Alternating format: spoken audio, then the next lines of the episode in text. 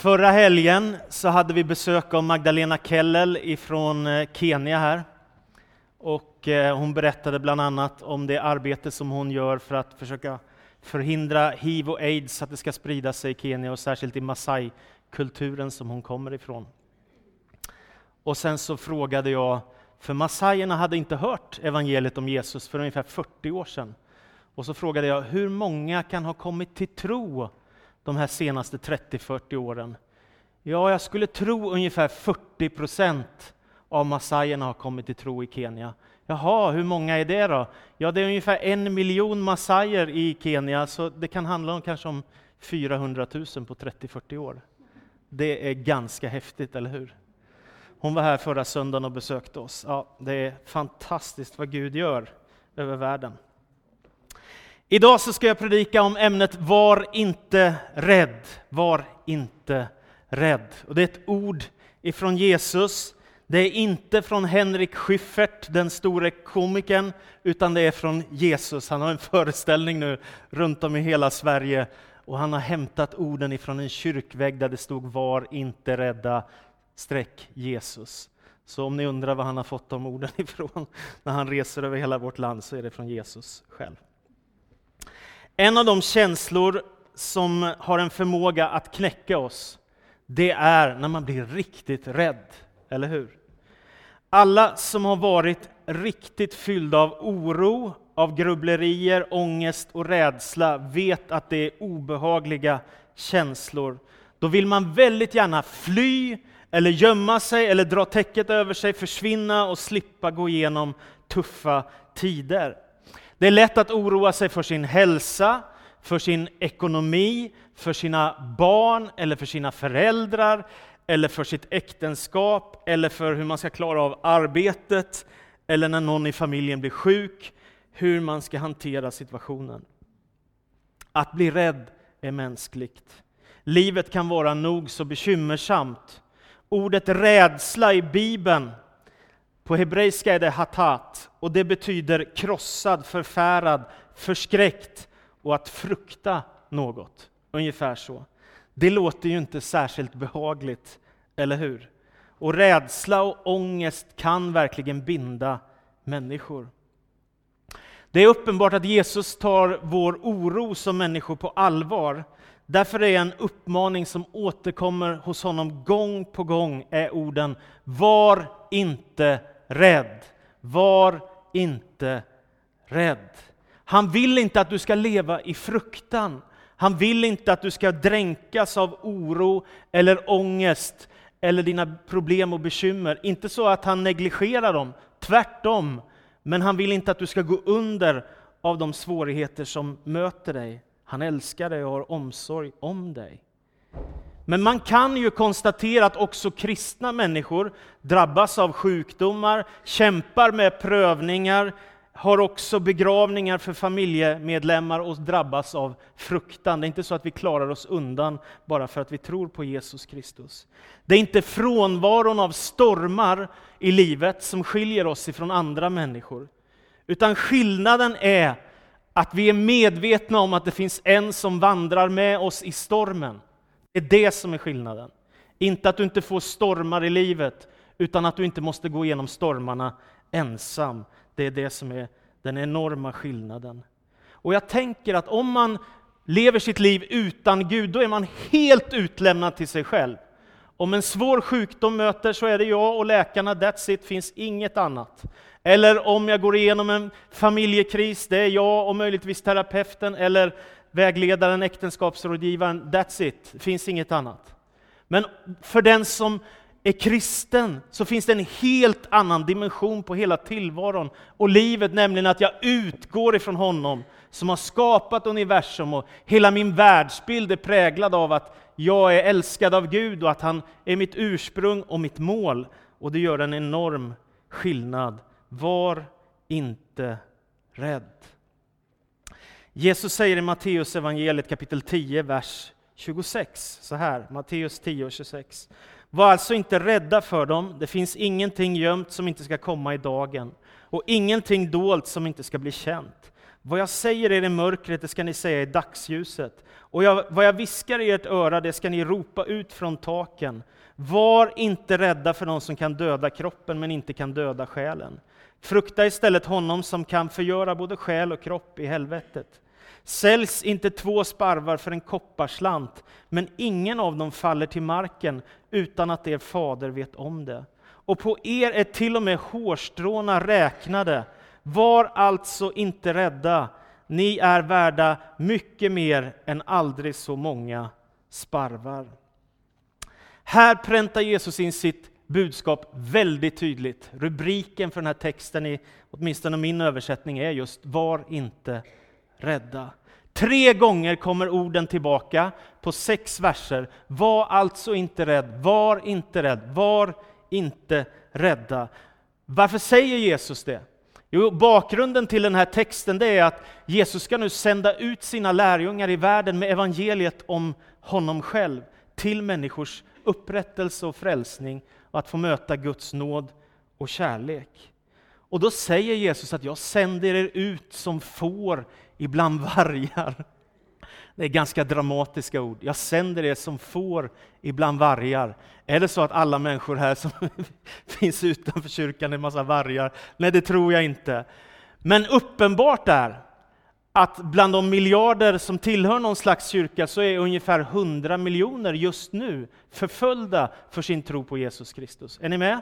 Det är inte hur lätt som helst att vara kristen överallt i hela världen, utan ibland får människor betala ett pris för sin tro på Jesus Kristus. Så det är det som är bakgrunden till den här texten, att vandra som får bland vargar, att det finns faror i den här världen. När Jesus kommer till lärjungarna när det är verklig storm på sjön och de är i en båt, så säger han till dem i, i, förlåt, i Matteus 14, var inte rädda, var vid gott mod, jag är här. Och det är det som jag tänker gör hela skillnaden i kristen tro. Det är detta att du kan vara vid gott mod och inte vara rädd för att Jesus är här. Det är det som är grejen. Eller som det står i Gamla Testamentet, du omsluter mig på alla sidor, du håller mig i din hand. Va? Och far jag upp till himlen så är du där, far jag ner till dödsriket så är du där, tar jag mig en boning ytterst i havet så är du där Gud. Du är närvarande överallt och du släpper mig inte. Var inte rädd, var vid gott mod, Jesus är här. Ibland så möter vi övermäktiga utmaningar. Det händer oss alla då och då, tror jag. När min son Robin var sju år gammal och gick i lågstadiet i första klass, så hade vi en väldigt fin tid i livet. Allt snurrade på bra, barnen trivdes bra i skolan, vi bodde i Jönköping på den tiden. Barnen trivdes i skolan, de hade gott om kamrater, vi var med i en stor församling med mycket barn och ungdomar. Och de hade liksom vuxit upp där och allt snurrade på, och vi bodde i ett hus och vi hade en bil och det liksom, allt funkade, det var inga stora problem. Och så en dag när jag kommer och ska hämta honom på skolan, så släpar han på sitt ben och kan inte gå ordentligt. Och jag tänker att han skojar med mig, så jag säger sluta Robin, det där är inte roligt. Och så säger han, men pappa jag kan inte gå ordentligt. Och helt plötsligt så inser jag liksom att, att det här som man tar för så självklart, att livet bara så lätt ska rulla på, att allt ska fungera, inte alltid är självklart. Så vi åker naturligtvis till, vi ber och vi åker till sjukhuset eftersom han inte kan gå. Och så kommer vi fram till sjukhuset och vi konstaterar att han har röda prickar på hela benen. Så tänker, har han fått hundra myggbett på en gång eller vad är det här för någonting? Men läkarna konstaterar på sjukhuset att han har fått en sjukdom som heter Henok Schönlein. Så han blir inlagd, den lilla sjuåringen, på sjukhuset och ska sova där flera dygn. Och gissa om man börjar be, gissa om man tänker tack gode Gud för läkare och gissa om man blir engagerad i sitt barn. Så är det naturligtvis. Och man kan bli överväldigad av alla, all, alla känslor. Vad kommer hända? Hur ska det gå? Och vad är nästa steg? Liksom, blir det bättre eller sämre? Eller, ni vet, det kan bli så oändligt tufft. Men vi bad till Gud och han låg inne på sjukhuset och sen så blev han bättre och han blev helt återställd och vi var så oändligt tacksamma till Gud. Ibland möter man prövningar och utmaningar som kan vara överväldigande. En av mina favoritförfattare heter Max Lucado.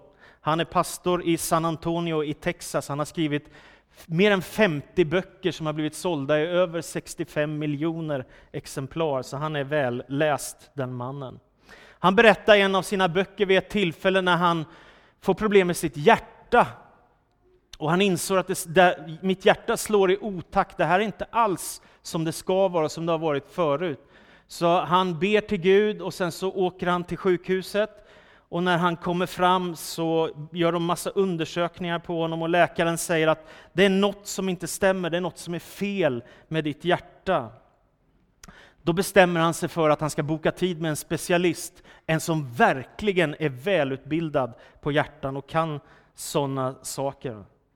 Och han får tid hos en, eh, en hjärtspecialist och när han kommer in i läkarens rum så ser han väggen där. Och han är nästan irriterad, för det sitter så många diplom, det ena efter det andra. Hela väggen är fylld av diplom som denna läkare, specialistläkare har lyckats samla på sig. Och till och med ett litet diplom från, från hans egen fru. Och först så blir Max irriterad och tänker, vad är det för självupptagen typ som möblerar hela läkarrummet med, med diplom till sig själv? Liksom. Det är hans första tanke. Men hans andra tanke är, jag är i goda händer. Är ni med? Första tanken kan vara självupptagen, andra tanken är, jag är i goda händer. Här är en expert, jag får inte tag på någon bättre än så här. Och sen så berättar han om hur han blir omhändertagen, hur han blir hjälpt. Och så kommer en kristen kvinna, jag tycker det är så underbar skildring i den här boken som han berättar. Kommer till sjukhuset och för att hålla stämningen och tron vid liv så kommer hon in och så sjunger hon Stor är din trofasthet, min Gud och Fader. Och så fortsätter hon. Visst är det vackert? Istället för att bara komma med en blomma eller chokladkartong eller vad vi nu vill komma med, så kommer hon med tron. Gud är trofast. Jag är i goda händer. Man kan frukta överväldigande utmaningar som möter i livet och då är det gott att bara påminna sig om jag vilar i Guds händer. Jag är i hans famn. Det står till och med i den här bibeltexten som Jesus säger att våra hår på huvudet är räknade. Visst är det roligt? Hur kom han på det, Jesus? Varför sa han det? Jag tycker det är fantastiskt. Och så står det så, något så alldeles underbart i en bibelkommentar jag har. Lyssna på detta. Inget är så obetydligt att Gud inte lägger märke till det. Det är inte bara så att han har räknat varje huvudhår, utan han har numrerat dem. det är väl underbart? Så 10 345 sitter här liksom någonstans. Det är komiskt. Jag vet inte om det är exakt så som den här bibelkommentaren säger. Poängen är att Gud bryr sig om människor. Poängen är att Gud älskar oss. Poängen är att Gud har omsorg om oss och han är trofast. Det andra man kan vara rädd för, det är att svika Gud. Ni kanske tänker att människor inte går och tänker på Gud, men jag konstaterar att ganska ofta när jag har hamnat i djupare samtal med människor, så kommer den här frågan. Finns det verkligen förlåtelse för mig? Jag har gjort så mycket dumt i mitt liv. Det där kommer tillbaka i människors liv och det kan komma i mitt eget liv också. Man kan kämpa med en slags gnagande insikt att jag har ignorerat Gud, eller jag har brutit emot hans vilja, eller jag har inte brytt mig, eller jag har vandrat på mina egna vägar. Och då tänker jag så här, att det hjälper nog inte alltid med peptalk, eller med att knapra fler piller, eller ännu ett samtal hos en terapeut, eller ännu en vän som ska säga goda ord till mig, för det jag behöver är förlåtelse från Gud. Är ni med? Det räcker liksom, det är ju jättebra med, med att få stöd och hjälp, det är inte det jag menar. Men någonstans så är det Gud själv jag behöver nåd och förlåtelse ifrån. Och då måste jag gå till Gud själv. Då är det underbara att, att evangeliet är precis detta som det handlar om att min oförmåga och mina misslyckanden och synder och detsamma för dig, att det finns förlåtelse för allt det som har blivit fel. Jesus säger den som tror på mig ska inte bli dömd. Den som tror på mig ska inte bli dömd. Paulus skriver i Romarbrevet 8 och 1, så finns det nu ingen fördömelse för den som är i Kristus. Det vill säga den som inte nöjer sig med, med sig själv utan drar sig till Kristus. Den människa behöver inte leva under sina nederlag, synder och skulder och misslyckande, utan man kan lämna det bakom sig och gå vidare i livet fri, förlåten, försonad med Gud. Och man behöver inte bära sin skuld som man har i sitt liv. Det finns en författare som heter Timothy Keller. Han eh, jobbar i New York, en fantastisk evangelisk pastor. Och han samlar 6-7 tusen människor i New York varje söndag till stora gudstjänster. Och lyssna på vad han skriver. Det kristna evangeliet är inte goda råd, utan goda nyheter. Det är inte råd om vad vi ska göra för att frälsa oss själva, utan tvärtom tillkännagivandet av vad som har gjorts för att rädda oss. Evangeliet är att Jesus har gjort något i historien, så att vi när vi förenas med honom i tro, får del av det han vunnit, så att vi blir frälsta. Visst är det bra? För det är det jag tänker, ja, ja, ibland behöver jag goda råd, men ännu mer behöver jag goda nyheter, att det finns hopp för mig, att det finns frälsning, att det finns någon som sträcker sig mot mig och vill något med mitt liv som är större än jag. Vad ska jag då göra om jag har svikit Gud som vi alla har gjort ibland? Jo, det står i Johannes 1 och 9. Om vi bekänner våra synder är han trofast och rättfärdig så att han förlåter oss synderna och renar oss från all orättfärdighet. Det står inte att han renar oss från en del av det som blev fel, en del av våra synder, de som är förlåtbara, utan han säger att han renar oss ifrån all orättfärdighet. Tack gode Gud för det. Så det sämsta som du och jag har gjort i vårt liv, det behöver vi inte bära med oss, för det finns en som har burit det för oss. Så låt inte ditt förflutna förfölja dig längre. Låt inte det dåliga som ligger bakom förstöra din framtid. Gud har lovat att vara med dig, benåda dig, förlåta dig och han sviker dig inte. Och jag tänker när jag läser Bibeln, hur skulle han som har skapat universum kunna svika dig? Hur skulle han som gav sina löften till Abraham om att alla folk på jorden ska bli välsignade överge dig? Hur skulle den Gud som har befriat sitt folk ut ur slaveriet i Egypten och gett dem ett land kunna glömma dig? Hur skulle den Gud som gav sitt folk ett löftesland och beskyddade dem svika dig? Hur skulle den Gud som lovade att Messias en dag skulle komma glömma bort dig? Hur skulle den Gud som sände sin son Jesus Kristus till oss kunna överge dig? Hur skulle den Gud som har lovat att sända sin heliga Ande till var och en som tror och blir döpt kunna tappa bort dig? Hur skulle den Gud som har lovat att bygga sin församling i hela världen svika dig? Hur skulle den Gud som har sagt att han en dag ska besegra all ondska och bereda ett himmelrike för alla människor som tror, glömma bort dig? Det står i Jesaja 49, på mina händer har jag upptecknat dig. Jag har ditt namn på mina händer. Han älskar dig, han glömmer dig inte. Han är trofast, hans kärlek är oändlig och hans barmhärtighet tar aldrig slut. En tredje sak som är väldigt lätt att bli rädd för, det är att mitt liv inte betyder någonting. Har du varit med om den känslan? Den dyker upp då och då i livet. För mig dyker den upp ibland när jag åker på ledighet. När man är van som pastor och umgås med människor och det är folk smsar och ringer och hälsar på och kommer till expeditionen och det är gudstjänster och samtal och själavård och omsorg och människor som vill bli frälsta. Det är så mycket man är involverad i och man är fullt upptagen för det mesta. Och så helt plötsligt blir man uttagen ur sitt sammanhang och så är man hos mamma och styvfar till exempel, eller svärföräldrarna långt härifrån. Ingen har, tänker ringa, ingen tänker fråga om någonting, ingen undrar någonting, ingen vet ens att jag är där. Och då kan man tänka, betyder jag någonting eller gör jag inte det? Är ni med? Alltså är det bara när vi gör massa bra saker som då betyder vi något och när vi inte gör något då är vi helt... Alltså hur är det egentligen med livet? Jag har också suttit i samtal med gamla människor ett antal gånger i mitt liv. Som när de ser tillbaka på sitt liv funderar på, har jag verkligen gjort något bra med mitt liv? Har det betytt någonting det jag har gjort?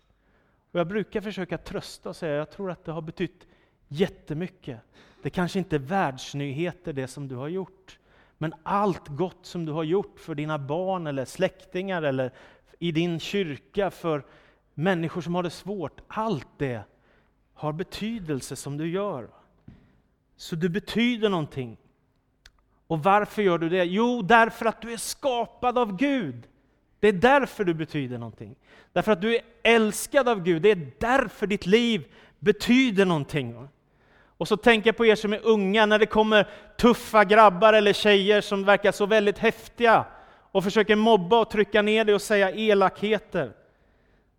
Så tänk på att de som verkligen är tuffa, det är de som vågar säga det där är fel att ge sig på en annan människa. Vad fega ni är som är flera stycken som går på en som är mindre än er. Det är modigt. Att våga stå upp för den som blir utsatt, det är modigt. Så tro inte på vad människor säger om människor är elaka mot dig, att du är någon lilleputt, att du inte har något värde, att du inte kan prestera eller att du inte har någon betydelse. För det är inte sant, eftersom Gud har skapat dig till den du är och du är hans älskade dotter eller son. Hur i hela världen skulle du kunna vara betydelselös med ditt liv? Ditt liv betyder någonting för Gud och det räcker. Och sen finns det förhoppningsvis en del andra människor som också tycker att ditt liv är viktigt. Kom ihåg att Gud är trofast, hans kärlek är oändlig och hans barmhärtighet tar aldrig slut. Ännu en sak man kan vara rädd för, det är det som ligger framför, det som ska komma. Livet är fullt av överraskningar. Förändringar, övergångar, nya tider, oförutsedda händelser, saker som är bra och saker som är dåliga, besvärliga händelser och underbara dagar. Det är en enda mix. Och tänk om det vore så enkelt att man kunde få beställa ett liv som var helt igenom harmoniskt och enkelt. Tänk dig situationen ungefär som att du är på ett café och du går fram för att beställa, inte en kopp kaffe, utan ditt liv. Och när du ska beställa ditt liv så säger du kanske, jag beställer ett spännande äventyr utan faror med ständig glädje och framgång. Det skulle kunna vara ett alternativ. Eller, ge mig en kopp med långt liv utan hälsoproblem och många barn och barnbarn. Eller, ge mig en stor kopp av sol och värme på en grekisk ö eller möjligtvis på Maldiverna, det kan man också leva med. Eller varför inte, jag beställer fantastisk mat, varmt hav, ett perfekt äktenskap och inga konflikter och 100% klockrena barn som sköter sig alltid, typ. Livet är inte sånt. Man skulle ibland önska det, det blir nog så i himlen ungefär så. Men här är det kamp.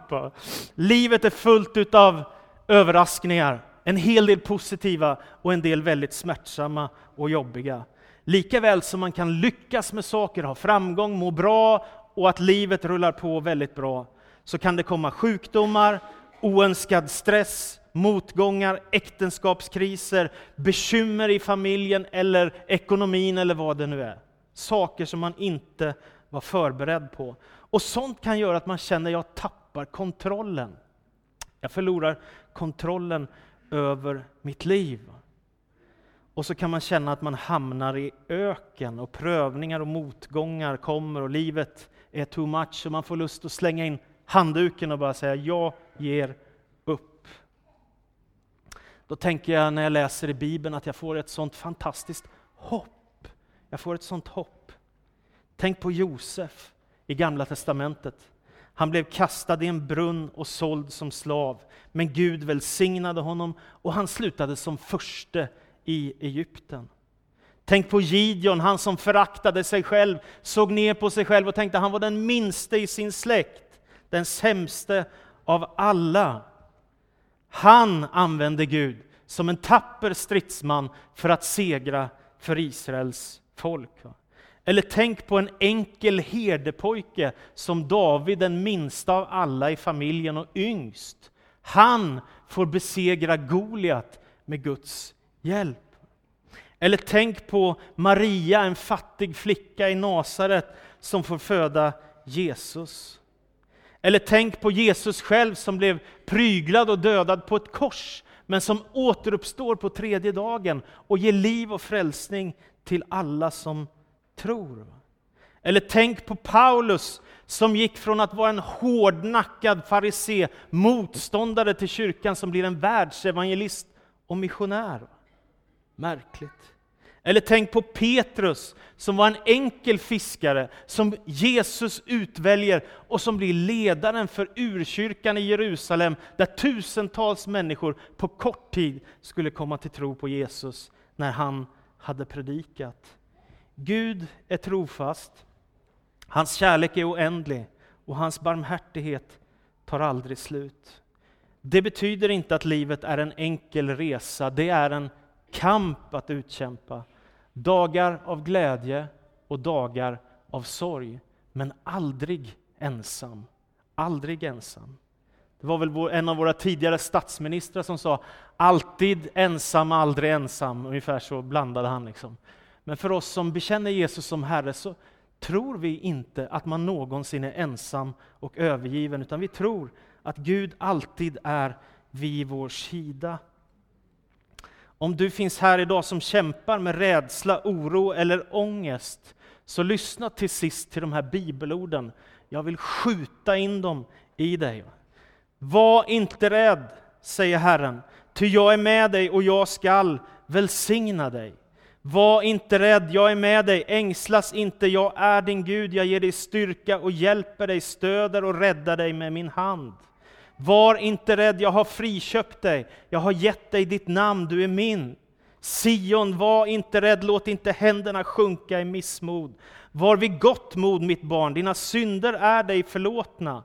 Var alltså inte rädda, ni är värda mer än många sparvar. Lugn, det är jag, säger Jesus, var inte rädda. Jesus gick fram vid dem och rörde vid dem och sa, stig upp och var inte rädda. Var inte rädda, tro bara så ska hon bli hjälpt, säger Jesus. Var inte rädd du lilla jord, ty er fader har beslutat att ge er riket. Låt inte era hjärtan oroas, tro på Gud och tro på mig, säger Jesus. Paulus skriver, Gud har inte gett oss modlöshetens ande, utan kraftens, kärlekens och självbesinningens. Och Petrus skriver, kasta alla era bekymmer på honom, ty han sörjer för er. Detta är kristen tro. Att Gud bryr sig på riktigt om vanliga människor. Och som avslutning, när man läser 1917 års, en, en gammal översättning av den här bibeltexten, så är det jättekonstigt översatt. Det står nämligen så här. Inte ens en sparv faller till marken utan er faders vilja.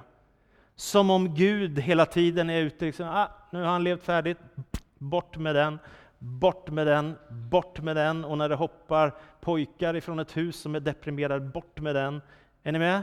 Men det är inte det som det står i grundtexten. Jag blev så glad när jag upptäckte detta. I den grekiska grundtexten i Nya Testamentet i Matteus 10 så står det inte ens en sparv faller till marken utan er fader. Punkt. Är ni med? Vilken skillnad!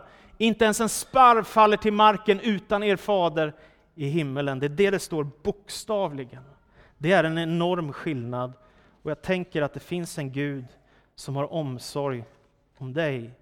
Så var inte rädd. Vi är på väg hem till honom som har skapat oss i evighetens värld. Amen. Jesus, så ber jag för var och en av oss. Du vet att vi kämpar med vårt liv. Ibland kämpar vi med vår hälsa och vår kropp. Ibland så kämpar vi med vårt psyke, att vi har svårt att hålla rädslan, oron och ångesten i styr. Ibland så kämpar vi med fruktan för livets omständigheter. Ibland är vi rädda att vår ekonomi fullständigt ska krascha när oförutsedda utgifter kommer. Ibland är vi rädda för att vår familj inte ska klara av prövningarna som kommer. Ibland fruktar vi för våra barn eller för våra syskon eller föräldrar. Här ibland så kämpar vi med tron. Men tack för att du har sagt några väldigt viktiga ord. Var inte rädd. Och de orden vill jag bära med mig och jag tror att det finns många som behöver de orden idag. Var inte rädd. Fadern har beslutat att ge dig riket. Därför ber vi att du ska komma oss nära nu när vi går in i avslutningen av vår gudstjänst och ska tillbe dig och be för våra nydöpta här och be för den som behöver hjälp i livet. Tack för att du hör oss. I Jesu Kristi namn. Amen.